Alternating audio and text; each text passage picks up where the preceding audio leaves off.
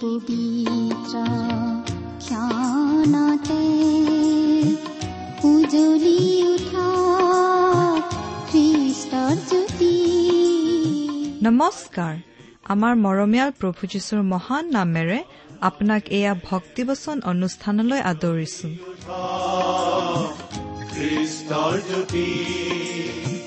আকাশ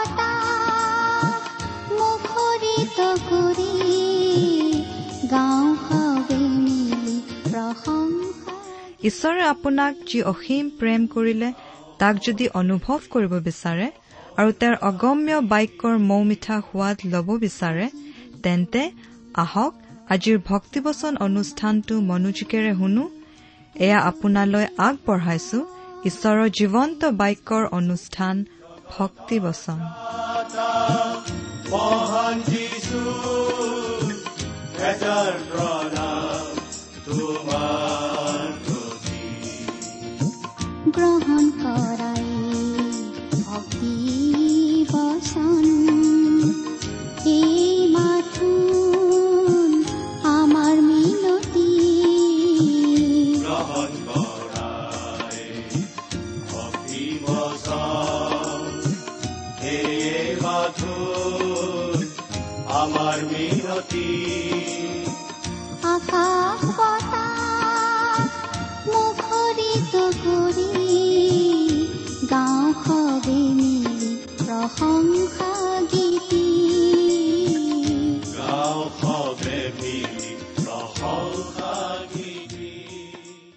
আমাৰ মহান ত্ৰাণকৰ্তা প্ৰভু যীশুখ্ৰীষ্টৰ নামত নমস্কাৰ প্ৰিয় শ্ৰোতা। আশা কৰো আপুনি ভালে কুশলে আছে। লগতে এই বুলিও আশা কৰিছো যে আপুনি আমাৰ এই ভক্তিবচন অনুষ্ঠানটো নিয়মিতভাৱে শুনি আছে। এই অনুষ্ঠান শুনি আপুনি কেনে পাইছে বাৰু? অনুগ্ৰহ কৰি আমালৈ চিঠি লিখি জনাবচোন। আপোনালোকৰ পৰা চিঠি পত্ৰ পাবলৈ আমি আশাৰে বাট চাই থাকো। আৰু সেইবাবেই আমালৈ চিঠি লিখিবলৈ আমি সদায়েই অনুৰোধ জনাওঁ। অনুগ্ৰহ কৰি আজিয়েই দুখাৰিমান লিখি পঠিয়াবচোন। আমাৰ যোগাযোগৰ ঠিকনা। ভক্তিবচন টি ডব্লিউ আৰ ইণ্ডিয়া ডাক বাকচ নম্বৰ সাত শূন্য গুৱাহাটী সাত আঠ এক শূন্য শূন্য এক। ভক্তিবচন T W R India post box number seventy Guwahati seven eight one zero' zero' one. আমাৰ website W W W dot radio' eight eight two dot com. প্ৰিয় শ্ৰোতা প্ৰভুৰ দয়াত আমি পুনৰ এয়া ঈশ্বৰৰ পবিত্ৰ বচনৰ আলোচনা শুনাৰ এটা সুযোগ পাইছো হওক। নহয় জানো? আমি যিগৰাকী ভাৱবাদীৰ পুস্তকৰ পৰা অধ্যয়ন কৰি আছো সেইগৰাকী ভাৱবাদী আমোছেই পুস্তকখনৰ আঠ নম্বৰ অধ্যায়ৰ এঘাৰ নম্বৰ পদত এইদৰে কৈছে। প্ৰভু জীহুৱাই কৈছে চোৱা যিদিনা মই দেশত অন্ন কি পানীৰ আকাল নহয় কিন্তু জিহুৱাৰ বাক্য শুনাৰ আকাল ঘটাম। সেইদিন আহিছে। হয় প্ৰিয় শ্ৰোতা প্ৰভুৰ দয়াত প্ৰভুৰ বাক্য শুনাৰ আকাল আজি ঘটা নাই। কিন্তু এনেদিন আমাৰ বাবে সদায় নাথাকিব।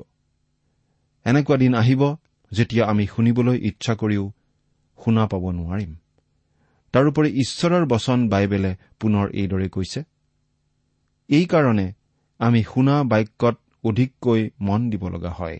কাৰণ কিজানি ঘাট নাচাপি ঘাটৰ পৰা কেনেবাকৈ ভটিয়াওঁ প্ৰিয় শ্ৰোতা আমাৰ বিশ্বাস যে যি শ্ৰোতাসকলে আত্মাৰ ভোক আৰু পিয়াহ ৰাখি ভক্তিবচনৰ জৰিয়তে ঈশ্বৰৰ বচন শ্ৰৱণ কৰে তেওঁলোকৰ জীৱনৰ পাৰ ঘাট নাচাপি ঘাটৰ পৰা কেনেবাকৈ ভটিওৱাৰ ভয় তেওঁলোকৰ নাথাকে।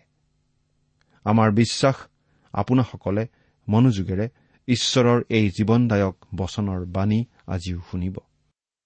আপোনালোকে নিশ্চয় জানে যে আমি ইয়াৰ আগৰটো অনুষ্ঠানতেই আমোচ ভাৱবাদীৰ পুস্তকৰ তিনি নম্বৰ অধ্যায়ৰ অধ্যয়ন শেষ কৰিছো।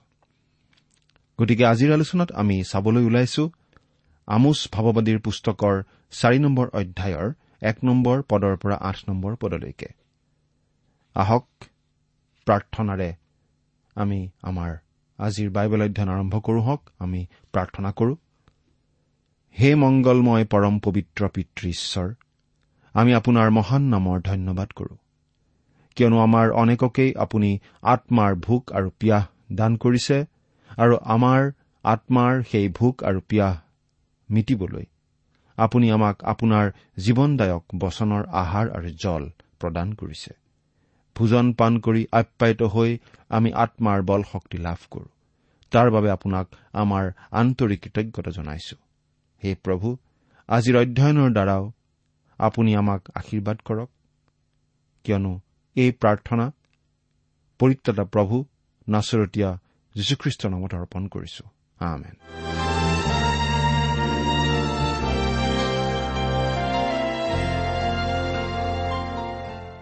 প্ৰিয় শ্ৰোতা আমোচ পুস্তকৰ এই চাৰি নম্বৰ অধ্যায়ৰ পৰা আৰম্ভ কৰি তিনিটা অধ্যায়ত আমি পাম। আমোচ ভাৱবাদীয়ে বিশেষভাৱে ইছৰাইলৰ উত্তৰ ৰাজ্যৰ দহটা ফৈদৰ ক্ষেত্ৰত ঘোষণা কৰা ভাৱবাণী। চাৰি নম্বৰ অধ্যায়ত আমাক এই কথা পুনৰ সোঁৱৰাই দিয়া হৈছে যে ঈশ্বৰে অতীতত তেওঁলোকৰ পাপ অপৰাধৰ কাৰণে ইছৰাইলৰ সন্তানবিলাকক শাস্তি বিহিছিল।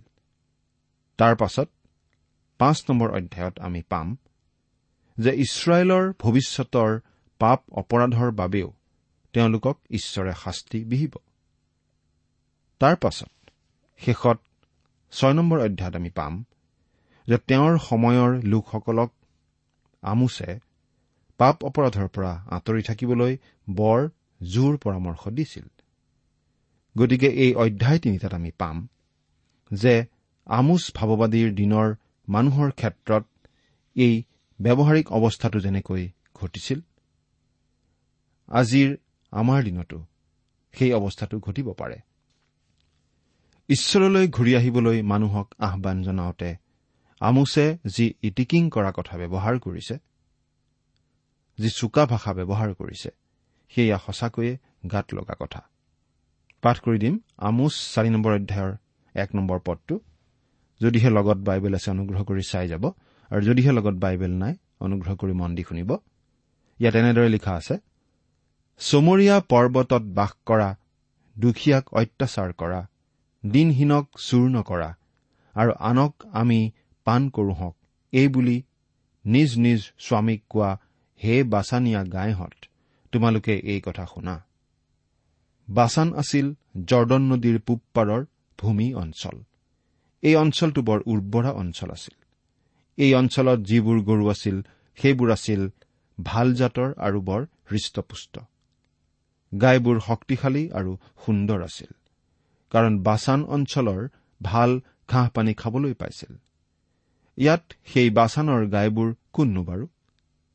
গাইবোৰ বুলি কওঁতে যিহেতু স্ত্ৰীলিংগকেই বুজোৱা যায় গতিকে কোনো কোনো বাইবেল শিক্ষকে ক'ব খোজে যে বাছানৰ গাইবিলাক হৈছে সেইসকল তিৰোতা মানুহ যিসকলে বিলাসৰ জীৱন ধাৰণ কৰিছিল ভাল ভাল আহাৰ পানী ভোজন পান কৰিবলৈ পাইছিল ভাল ভাল পিন্ধিবলৈ উৰিবলৈ পাইছিল আৰু ভাল ভাল পুৰুষৰ সৈতে দাম্পত্য জীৱন কটাবলৈ পাইছিল। এইদৰে জীৱন নিৰ্বাহ কৰিবলৈ তেওঁলোকে দৰিদ্ৰক অত্যাচাৰ কৰি টকা পইচা গোটাইছিল। ঘৰৰ ঘৈণীয়েকবিলাকক সন্তুষ্ট কৰিবলৈ পুৰুষসকলে আৰ্তনাদ কৰিব লগা হোৱাকৈ দুখীয়াক অত্যাচাৰ কৰিছিল। গতিকে আমোছে বাছানৰ সেই বিলাসিতা প্ৰিয়া তিৰোতা মানুহবিলাকক উদ্দেশ্য কৰিয়েই এই কথা ক'ব পাৰে।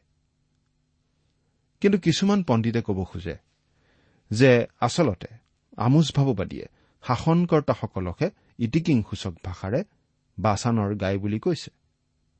সেয়ে যদি হয় আমোছে স্ত্ৰীলিংগ ব্যৱহাৰ কৰিছে কিয়?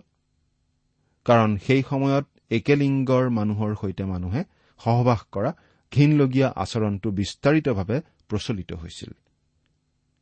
ৰুমিয়া প্ৰথম অধ্যায় পঢ়িলে আমি জানো যে এই আচৰণটোৰ বাবেও ঈশ্বৰে তেওঁৰ শাস্তি ঘোষণা কৰিছে। কোনো জাতিৰ মাজত যেতিয়া এই আচৰণটো বিয়পি থাকে তেতিয়া যে সেই জাতিটোৰ পতন ঘটে সেই কথা ইতিহাসে আমাক বাৰে বাৰে শিকাইছে। এই আচৰণৰ বাবেই ৰোমৰ পতন ঘটিছিল। কাৰণ সম্ৰাট নিৰ নিজেই এই আচৰণৰ লোক আছিল।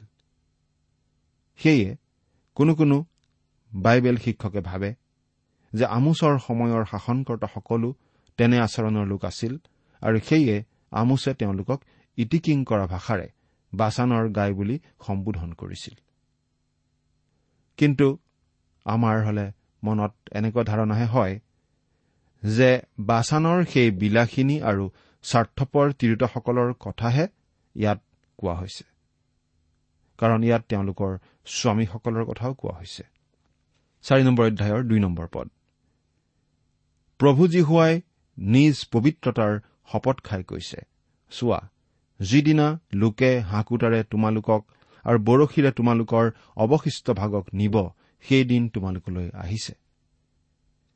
ইছৰাইলৰ উত্তৰ ৰাজ্যৰ মুখত হাঁকুটা আৰু বৰশী লগাই তেওঁলোকক দেশান্তৰলৈ নিয়াৰ এটা ছবি ইয়াত ঈশ্বৰে দাঙি ধৰিছে। অৰ্থাৎ হাঁকুটা আৰু বৰশী লগাই তেওঁলোকক তেওঁলোকৰ ভূমিৰ পৰা টানি চোচৰাই লৈ যোৱা হ'ব। কেতিয়াবা আমি কওঁ মানুহজন লোভৰ বৰশীত লাগিল। হয় সেইদৰে মানুহ যিকোনো ধৰণৰ পাপৰ বৰশীতেই পৰিব পাৰে। ঈশ্বৰে কৈছে যে এই মানুহবিলাক সুধবিচাৰৰ বৰশীত পৰিল। আৰু আমি তেওঁলোকৰ ইতিহাসৰ পৰা জানিব পাৰো যে সঁচাকৈয়ে এটা সময়ত তেওঁলোকৰ শত্ৰুবিলাকে তেওঁলোকক আক্ৰমণ কৰি হাঁকুটা লগাই টানি চোচোৰাই তেওঁলোকৰ বাসভূমিৰ পৰা আঁতৰাই লৈ গৈছিল দেশান্তৰলৈ। চাৰি নম্বৰ অধ্যায়ৰ তিনি নম্বৰ পদতে পঢ়ি দিম। আৰু তোমালোক প্ৰতিজনীয়ে পোনে পোনে গড়ৰ ভঙাই দি ওলাই যাবা। আৰু জিহুৱাই কৈছে তোমালোকক হৰমোনত পেলোৱা হ'ব। আন কথাত ঈশ্বৰে কৈছে তোমালোক ধনী আৰু তোমালোক ৰাজ অট্টালিকাত বাস কৰা শাসনকৰ্তা দেখিয়েই তোমালোকৰ যে বিচাৰ নকৰিম তেনেদৰে নাভাবিবা। তেনেদৰে ভাবিলে সেয়া তোমালোকৰ প্ৰচণ্ড ভুল হ'ব। আৰু আমি ইছৰাইলৰ সন্তানসকলৰ ইতিহাসত পঢ়িবলৈ পাওঁ যে অচুৰীয়াসকলে যেতিয়া ইছৰাইলৰ উত্তৰ ৰাজ্য আক্ৰমণ কৰে তেতিয়া তেওঁলোকৰ ৰজাৰে সৈতে তেওঁলোকক দেশান্তৰলৈ লৈ যায়। একেধৰণৰ ঘটনা ইছৰাইলৰ দক্ষিণ ৰাজ্যৰ ক্ষেত্ৰতো ঘটিছিল যেতিয়া তেওঁলোককো বাবিলনে আক্ৰমণ কৰি বাবিলনলৈ দেশান্তৰিত কৰি লৈ গৈছিল। তাৰ পাছত এতিয়া চাৰি নম্বৰ অধ্যায়ৰ চাৰি আৰু পাঁচ নম্বৰ পদত আমি পাওঁ বৰ মন কৰিবলগীয়া বিধৰ প্ৰকাশভংগী। তোমালোকে বৈত এললৈ গৈ অপৰাধ কৰা। গিলগললৈ গৈ অপৰাধ বৃদ্ধি কৰা। আৰু প্ৰতি ৰাতিপুৱা তোমালোকৰ বলি আৰু তিনদিনে তিনদিনে তোমালোকৰ দহভাগৰ এভাগ আনা। আমাৰ বিশ্বাস যে আপুনি বুজি পাইছে আমোছে কেনেকৈ ইমান চোকা ভাষাৰে ইছৰাইলৰ সন্তানসকলক বৈত এলত উপাসনা কৰিবলৈ আহান জনাইছে। কাৰণ এই বৈত এলতেই তেওঁলোকে সোণৰ দামৰিটো পূজা কৰিছিল। গিলগললৈ গৈ অপৰাধ বৃদ্ধি কৰিবলৈ কোৱা হৈছে।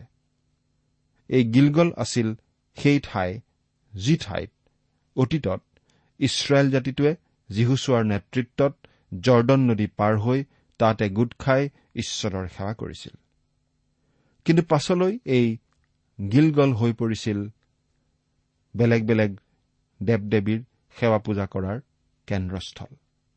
সেইকাৰণেই আমোছে তেওঁলোকক অপৰাধ বৃদ্ধি কৰিবলৈ গিলগললৈ মাতিছে। আৰু তাৰে আমোছে ইছৰাইল জাতিক জনাইছে যে তেওঁলোকে বৰ ঈশ্বৰ বিৰুদ্ধ কাম কৰিছে।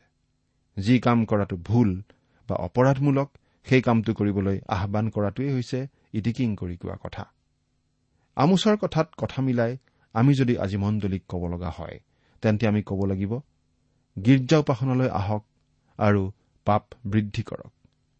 কিন্তু পাপ আচৰিবলৈনো কোনে গীৰ্জালৈ যায়?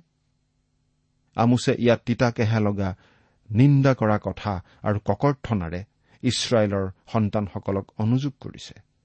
তেওঁ এনেদৰে বিৰূপ আৰু সম্পূৰ্ণ বিপৰীত ভাৱৰ কথাৰে ইছৰাইলৰ সন্তানসকলক কথা কৈছে যেন তেওঁলোকে জানে তেওঁলোকেনো কি ভুল কৰি আছে।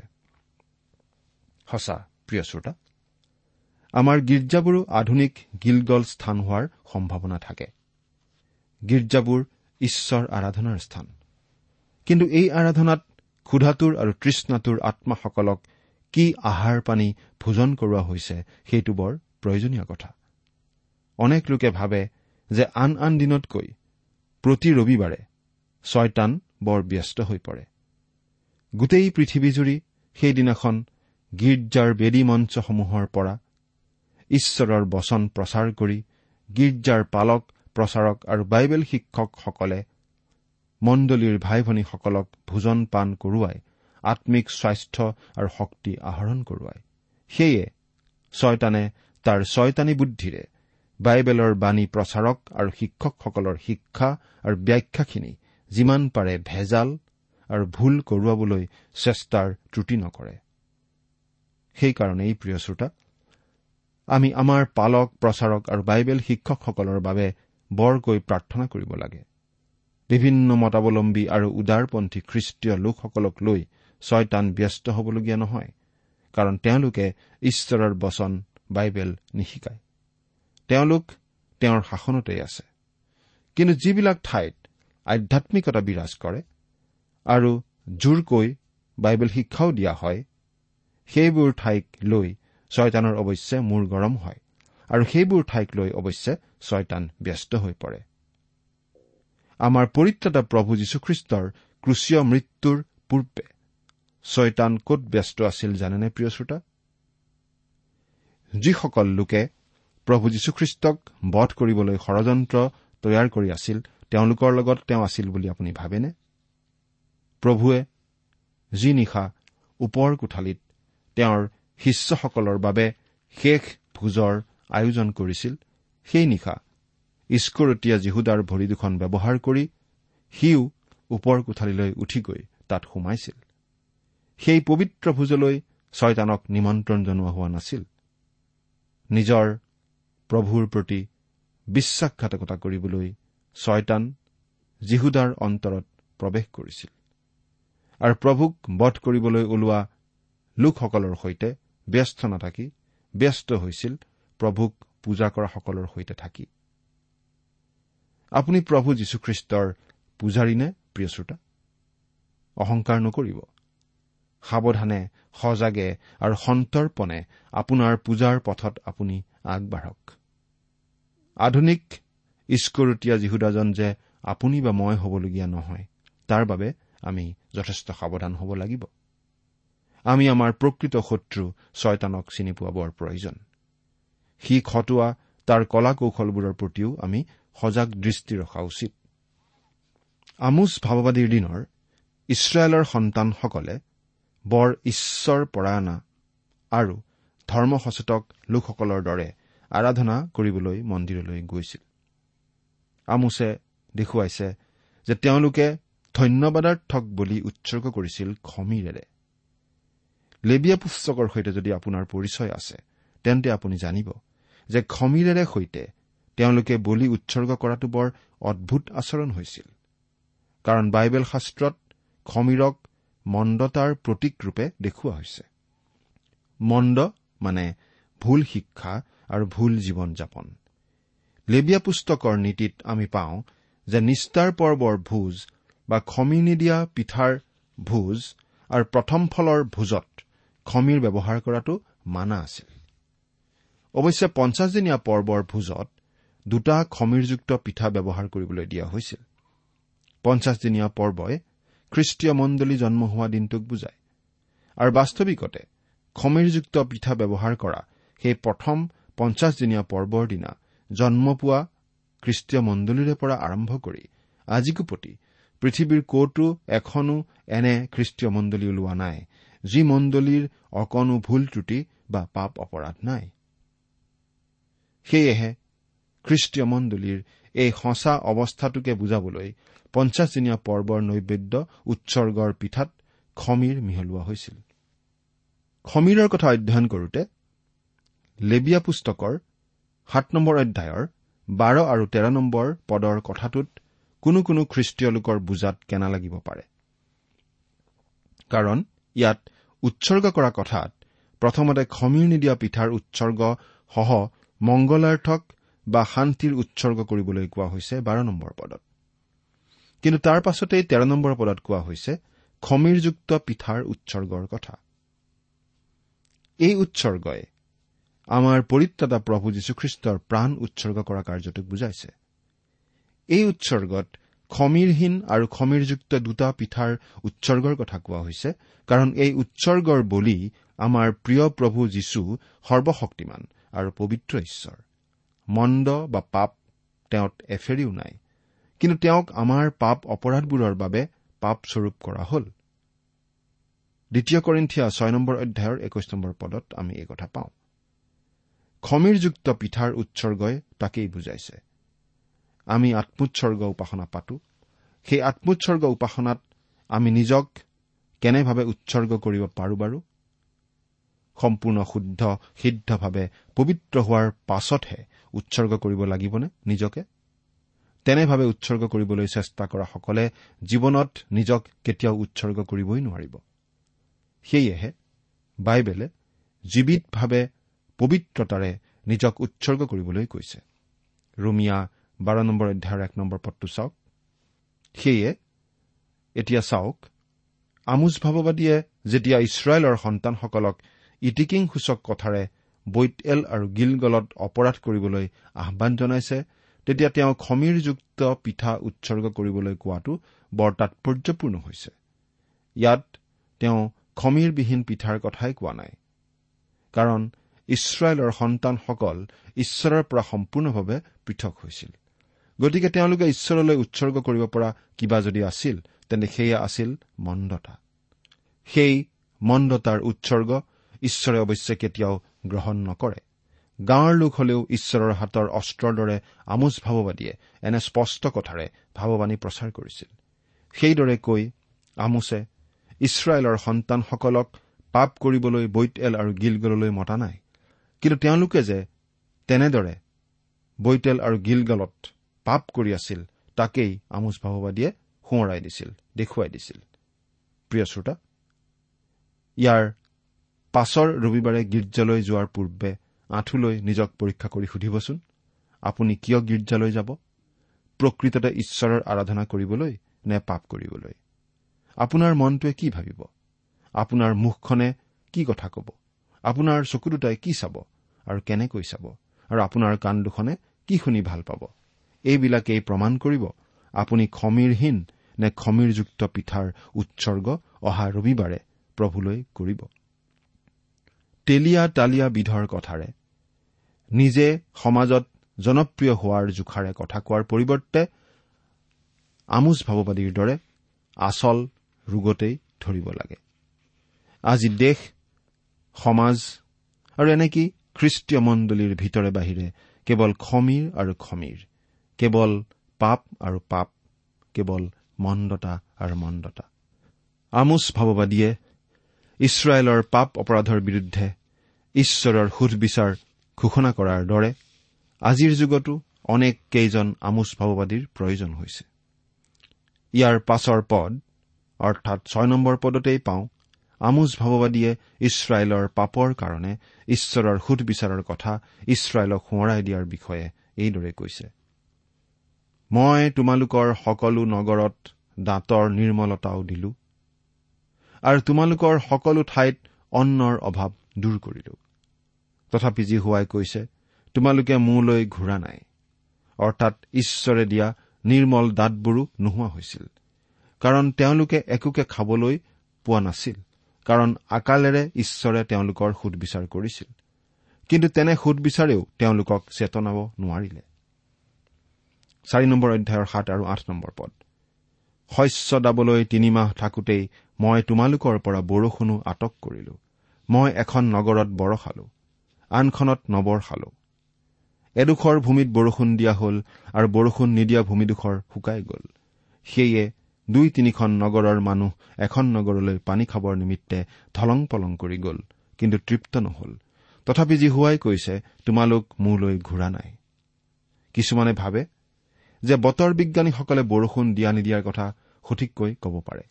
কিন্তু ঈশ্বৰেই বৰষুণো নিয়ন্ত্ৰণ কৰে। বৰষুণ হবলৈ নিদি দুৰ্ঘোৰ খৰাং বতৰেৰে ঈশ্বৰে ইছৰাইলৰ সুদবিচাৰ কৰিলে। কিন্তু পাপৰ কুষ্ঠত ভোগা মানুহে তাৰেও চেতনা পাব নাজানিলে। পাপৰ প্ৰভাৱ ইমানেই গভীৰ প্ৰিয় শ্ৰোতা। পাপৰ প্ৰভাৱত পতিত হোৱাটো তেন্তে কিমান ভয়ংকৰ কথা? সাৱধান প্ৰিয় শ্ৰোতা। সাৱধান হবলৈ ঈশ্বৰে আপোনাক সহায় কৰক। আমেন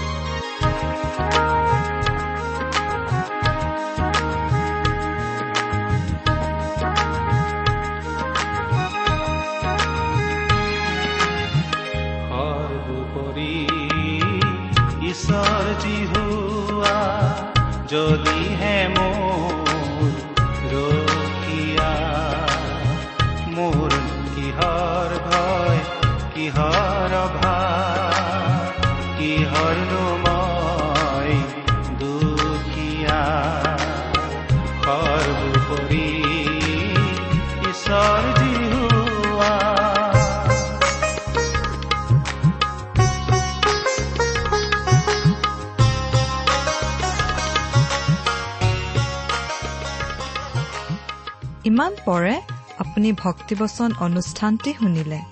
অনুষ্ঠানটি শুনি কেনে পালে? আমালৈ চিঠি লিখি জনাবচোন। অনুষ্ঠানত প্ৰচাৰ কৰা কোনো কথা বুজিব লগা থাকিলেও আমালৈ লিখক। আমাৰ ঠিকনা ভক্তিবচন টি ডাব্লিউ আৰ ইণ্ডিয়া ডাক পাকচ নম্বৰ সাত শূন্য গুৱাহাটী সাত আঠ এক শূন্য শূন্য এক। ঠিকনাটো আৰু এবাৰ কৈছো ভক্তিবচন টি ডাব্লিউ আৰ ইণ্ডিয়া ডাক পাকচ নম্বৰ সাত শূন্য গুৱাহাটী সাত আঠ এক শূন্য শূন্য এক। আপুনি ইমেইল যোগেৰেও আমাৰ সৈতে যোগাযোগ কৰিব পাৰে। আমাৰ ইমেইল আইডিটো হৈছে Assamese T TV at radio' eight eight two dot com. আইডিটো আকৌ এবাৰ কৈছো। Assamese T TV at radio' eight eight two dot com. আপুনি টেলিফোনৰ মাধ্যমেৰেও আমাক যোগাযোগ কৰিব পাৰে। আমাৰ টেলিফোন নম্বৰটো হৈছে শূন্য তিনি ছয় এক দুই ছয় শূন্য চাৰি ছয় সাত এক। ফোন নম্বৰটো আকৌ এবাৰ কৈছো zero' three six one two six zero' four six seven one. আজিৰ অনুষ্ঠানটি ইমানতে সামৰিছো। ঈশ্বৰৰ শান্তি আৰু অনুগ্ৰহ আপোনাৰ লগত থাকক। ধন্যবাদ। কোমলীয়া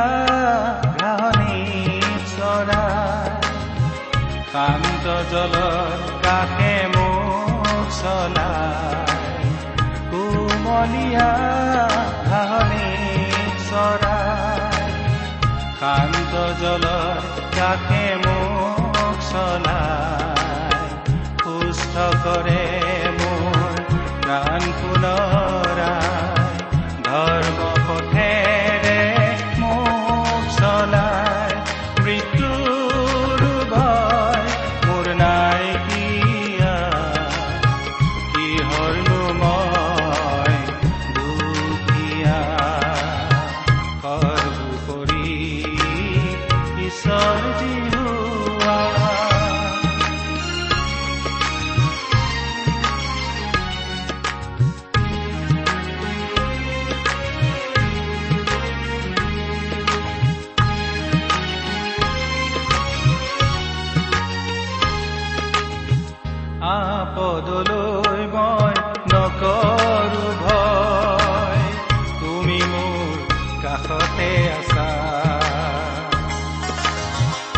জীৱনৰ